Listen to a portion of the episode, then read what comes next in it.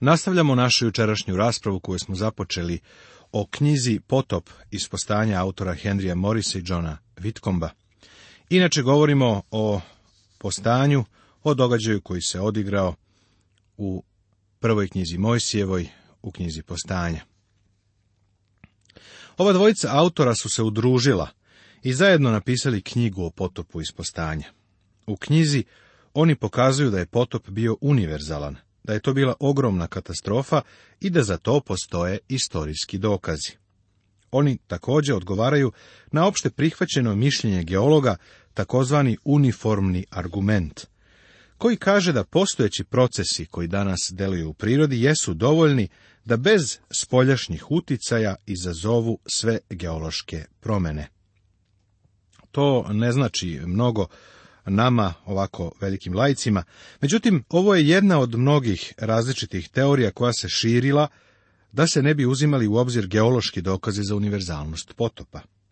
Pretpostavljam da o potopu postoji obilje dokaza, ali ne smatram da je neophodno da u to ulazim, pošto je ovo već objašnjeno u ovoj veoma naučnoj knjizi. I istrebi se svako telo živo na zemlji, i ljudi, i stoka, i što god gamiže, i ptice nebeske, sve velim istrebi se sa zemlje, samo Noje osta i što s njim beše u kovčegu. S druge strane, iz štampe je nedavno izašlo nekoliko knjiga koje su napisali ljudi, koje smatram i pseudointelektualcima i pseudoteolozima. Oni zauzimaju stav da je potop bio lokalne prirode. To znači da je bio ograničen na dolinu između Tigrisa i Eufrata između dve reke. Drugim rečima, bila je to neka vrsta bazena za kupanje i to je sve. Potop iz knjige postanja apsolutno ruši sve to. I siguran sam da razumeš da sveto pismo vrlo jasno govori da je potop prekrio celu zemlju. Bog je rekao da će potop uništiti celu zemlju. Kraj svakom telu dođe, predame jer napuniše zemlju bezakonja i evo, hoću da ih zatrem sa zemljom. Ljudski rod je već bio stigao i u Severnu Ameriku, pa su i životinje sigurno bile tamo. Niko se ovome ne bi protivio. Ali ako kažeš da potop nije bio sveopšteg karaktera, onda je još neko, pored Noja, pokrenuo ljudski rod ponovo, a to jednostavno nije ono o čemu Božja reč govori. Kako ja vidim u škripcu si, ili ćeš prihvatiti Božju reč ili moraš da odbaciš ono što ona govori. Prema mojoj proceni, Pokušaj dokazivanja da je potop bio lokalnog karaktera u stvari je dugoročno odbijanje Božje reči. Biblija vrlo jasno ukazuje da je potop bio opšteg karaktera. I istrebi se svako telo živo na zemlji, samo noje osta i što s njim beše u kovčegu. I stajaše voda povrh zemlje sto i pedeset dana. Drugim rečima, otprilike pola godine ili pet meseci, na zemlji je prevladavala voda. Potop ispostanja ne samo da odgovara na pitanje o svojoj univerzalnosti, a ne o svom lokalnom karakteru, nego i odgovara na pitanje uniformne teorije. Postoje oni koji zastupaju gledište da nije postojala tako velika katastrofa kao što je potop. Ja neću ulaziti u detalje osim što želim da se pozovem na apostola Petra koji vrlo jasno pokazuje da možemo očekivati ovakve rugače. Ovo najpre znajte, da će u posljednje dane doći rugači sa svojim ruganjem, koji će ići po svojim sobstvenim požudama i govoriti, gde je obećanje o njegovom dolasku? Jer kako očevi pomreše, sve stoji tako kao od početka stvorenja, kaže se u drugoj poslanici Petrovoj, u trećem poglavlju Svetoga pisma Novog Zaveta. Rugač je uvijek bio uniforman, ali tog stava se ne možeš držati i istovremeno prihvatiti integritet Božje reči. Vrlo je važno da ovo uvidiš. Poglavlje osmo Teme Kiša prestaje da pada. Zemlja se suši. Noe napušta barku. Noe gradi oltar i prinosi žrtvu. Kiša prestaje da pada. A Bog se opomenu Noja i svih zveri i sve stoke što behu s njim u kovčegu i posla Bog vetar na zemlju da uzbije vodu. I zatvoriše se izvori bezdanu i ustave nebeske i dažd s neba prestade. I stade voda opadati na zemlji i jednako opadaše posle 150 dana, te se ustavi kovčeg sedmoga meseca dana sedamnaestoga na planini Araratu. Dat nam je prikaz ne samo podizanja potopa, nego i njegove vladavine, a onda i njegovog utoljavanja. U pismu piše, a Bog se opomenu Noja. Divno, i posla Bog vetar na zemlju da uzbije vodu. Ovo se nije desilo preko noći. Voda je rasla više od 150 dana, a zatim je 261 dan opadala. I voda opadaše sve većma do desetoga mjeseca, i prvoga dana desetoga mjeseca pokazaše se vrhovi od brda. A posle četrdeset dana otvori Noe prozor na kovčegu koji beše načinio. Mogli bismo reći da je ovo početak kraja potopa. Zapazi šta tu Noe čini. I ispusti gavrana, koji jednako odletaše i doletaše dokle ne presahnu voda na zemlji. Pa pusti i golubicu da bi video da li je opala voda sa zemlje. Iskreno vidite, Noe počeo da posmatra ptice. On šalje dve ptice, gavrana i goluba. A golubica, ne našavši gde bi stala nogom svojom, vrati se k njemu u kovčeg, jer još beše voda po svoj zemlji. I Noe, pruživši ruku, uhvati je juzek sebi u kovčeg i počeka još sedam dana, pa opet ispusti golubicu iz kovčega. I pred veče vrati se k njemu golubice i gle, ukljunuje list maslinov, koji beše otkinula, tako pozna Noe da je opala voda sa zemlje.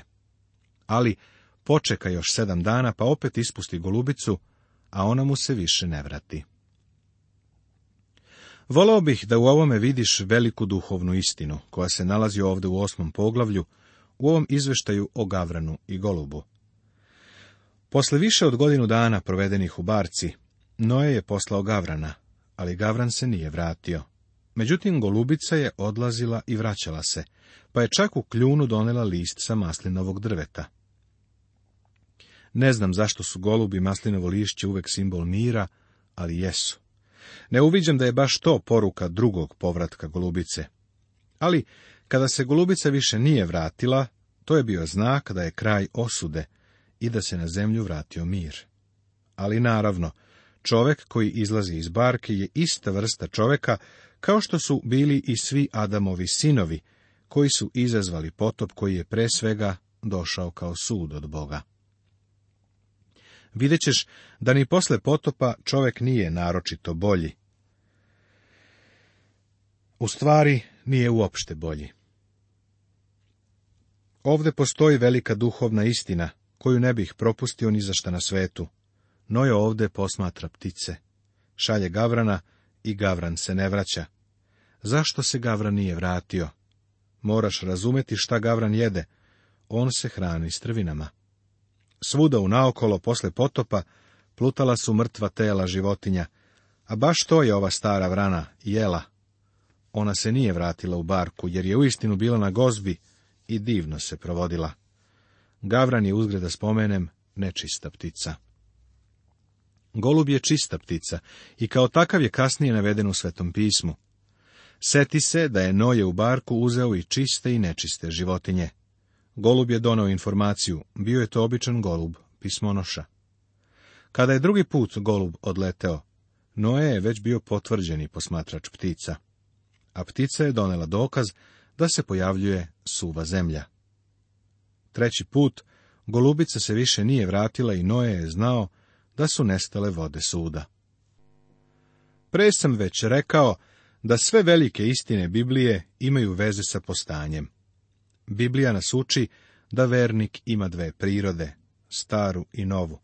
Prema tome, ako je ko u Hristu, novo je stvorenje, staro je prošlo, vidi postalo je novo. Kaže se u drugoj poslanici Korinčanima, u Svetom pismu Novog Zaveta. Čisto i nečisto su zajedno. Ti i ja, kao vernici, imamo ove dve prirode. Naš gospod je rekao, što je rođeno od tela, telo je, a što je rođeno od duha, duh je. A apostol Pavle piše, znam naime da u meni, to jest u mom telu, dobro ne obitava, jer hteti toga ima u meni, ali činiti dobro toga nema. Apostol Pavle govorio je o borbi između dve prirode. Danas postoji borba između stare i nove prirode vernika. Gavran je tako otišao u osuđeni svet, ali je tamo za sebe našao gozbu u mrtvim strvinama, jer je to ono od čega je on živeo. Otečeno i naduveno telo slona je za njega pir. Kažem ti da su ovo za njega bile bahanalije i orgije. Tamo amo, on je neumorno leteo Ispuštao se. Ako smem da kažem, ovo je slika stare prirode. Stara priroda je kao gavran. Stara priroda voli stvari ovoga sveta i uživa u njima. Ovo je razlog zašto tako mnogo ljudi nedeljom uveče gleda televiziju, a ne ide u crkvu. Nemoj mi reći da za to imaš dobre izgovore. Ti posjeduješ staru prirodu, ali izgovora nema, jer u toj staroj prirodi ne treba da živiš. Golubica je otišla u osuđeni svet, ali tu nije našla mir, ni zadovoljstvo, pa se vratila u barku. Golub predstavlja vernika u svetu. Stari gavran je otišao u svet i svet mu se svideo. Kada je našao onu staru strvinu, verovatno je pomislio da je nastupilo hiljadugodišnje carstvo. Vidiš, sve je to pitanje tačke gledišta. Jedan profesor mi je jednom rekao, pitanje dobra i zla je relativno, u pravu je, Jeste. Ono što Bog kaže je dobro i ispravno, a ono što taj profesor kaže je pogrešno. I uspuda da spomenem, on je ne nalazi mnogo pogrešnih stvari. Kada Bog kaže da je nešto zlo i pogrešno, onda je to tako. Verniku je rečeno, ne posvećujte ljubav svetu i onome što je na svetu. Zapisano je u prvoj poslanici Jovanovoj, svetoga pisma Novog Zaveta. Ti i ja danas živimo u osuđenom svetu. Mi smo u svetu, ali nismo od sveta. Mi ga koristimo, ali ga ne zloupotrebljavamo. Mi se ne zaljubljujemo u svet, nego se trudimo da zadobijemo izgubljene ljude u ovom svetu i da raširimo Božju reč. Naš gospod nam je rekao, idite u sav svet i objavite evanđelje svakom stvorenju. U evanđelju po Marku, Svetoga pisma Novog Zaveta. Pobrinimo se za posao ovde dole, rasprostranimo Božju reč. To je važno. Golubica je shvatila u kakvom je svetu bila, zato nije pronašla mir. Mir je nalazila samo u barci, a barka predstavlja Hrista. Da ti postavim vrlo lično pitanje. Koja si ti ptica? Da li si gavran ili golubica? Ako si Božije dete, imaš obe prirode, ali u kojoj od njih danas živiš? Da li voliš ono što je od Boga ili ne? Zemlja se suši, Noje napušta barku. Šest stotina prve godine veka Nojeva, prvi dan prvog meseca usahnu vode na zemlji, i Noje otkri krov na kovčegu i ugleda zemlju suvu.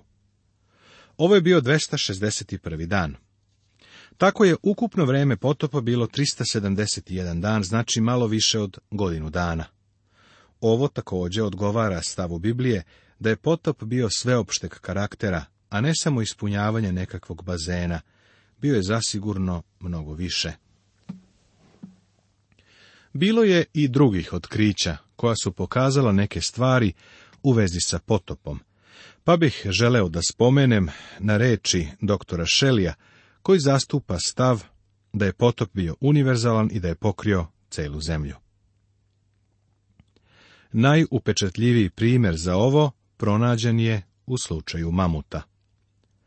Ovi slonovi pronađeni su zakopani u sleđenom mulju tundre u Sibiru, celom dužinom azijskog kontinenta i na severu Aljaske i Kanade. Otkriveni su u krdima, nezaglibljeni u kaljugu, nego na višem zemljištu. Pronađeno ih je na stotine i hiljade. On nastavlja i kaže da su ti mamuti ispitivani i da je otkriveno da su se udavili. Da su se samo zaglibili, umrli bi od gladi. Što se ide dalje na sever, njih je sve više. Sve do zemljišta ostrava Belog mora, unutar arktičkog kruga, koji se drže veliki broj njihovih kostiju, pomešanih sa kostima tigra, sabljastih očnjaka, džinovskog losa, pećinskog medveda, bika mošutnjaka i sve to sa deblima drveća i sa drvećem koje je bilo ukorenjeno u to zemljište. U tim oblastima danas nema drveća. Najbliže živo drvo je stotinama ili čak hiljadama kilometara udaljeno. Mamuti nisu mogli da jedu zakržljalu vegetaciju, koja sada raste u toj oblasti otprilike tri meseca godišnje. Stotine kvadratnih kilometara ovog rastinja ne bi održalo u životu jednog od njih, samo u toku jednog meseca. Hrana pronađena u njihovim stomacima je borovina, glogovina i drugo. Mamuti su bili živi sahranjeni u mulju, još dok je mulj bio mekan. Onda su se zajedno sa tim muljem naglo sledili i nikad se više nisu odledili.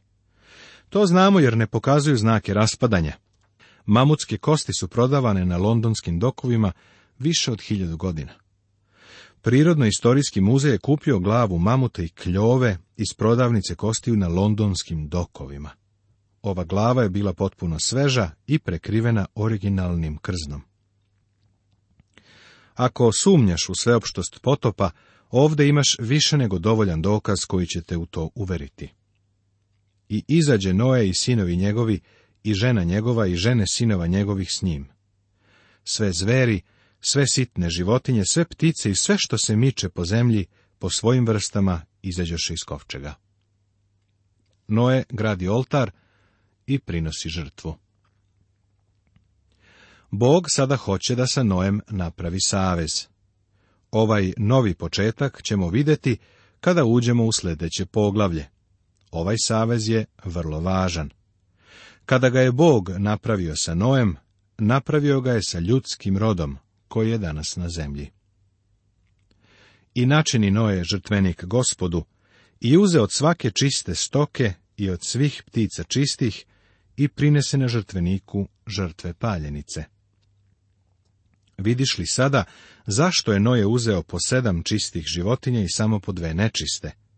On sada te čiste životinje prinosi na žrtvu. Prva stvar koju je Noje učinio kada je izašao iz barke jeste sagradio je oltar gospodu i prineo mu žrtvu paljenicu. Ta žrtva paljenica govori o Isusu Hristu. Žrtva je bila prineta na osnovu prihvatanja pred Bogom i u slavu i čast Bogu. Bez sumnje, to je bila jedna od stvari zbog kojih je Bog bio zadovoljan Noem, u ovo vrijeme. I gospod omirisa miris ugodni i reče u srcu svom, neću više kleti ljude sa zemlje, što je misao srca čovečijega zla od malena, niti ću više ubijeti svega što živi, kao što učinih. Jednostavno možeš da zabeležiš da je ovo istina. Šta je sa tvojim detinjstvom ili mladošću? Da li su i tvoje misli bile zle? U našem savremenom društvu vidimo pobunu omladine. Zar nije zanimljivo zapaziti smer kojim su se uputili? Krenuli su istim smerom. Svaka misa o čovečijeg srca je zla od mladosti, i to se ne popravlja. Pre neko veče bio sam u posjeti u bolnici. Između kreveta bila je navučena zavesa, ali sam čuo kako pacijentkinja na susednom krevetu razgovara sa svojim suprugom. Sve to je ličilo na razgovor dvoje ljudi koji su odlučili da će jedno drugo da kunu. Nikada pre nisam čuo da se dva ljudska bića tako proklinju. Želeo bih da kažem da misli ljudskog srca jesu zle još od mladosti. Ovo je istinita izjava koja je data pre mnogo vremena. Ocele dokle bude zemlje, neće nestajati setve ni žetve, studeni ni vrućine, ljeta ni zime, dana ni noći. Već je rečeno da je potop bio tako rasprostranjen, da je nakrivio zemlju. Kao što znaš, zemlja ne stoji pravo po svojoj osi. Izvan centra smo. Magnetni centar se razlikuje od centra oko kojeg se okrećemo.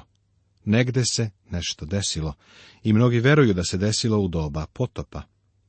Pošto se zemlja tako okreće, imamo godišnja doba.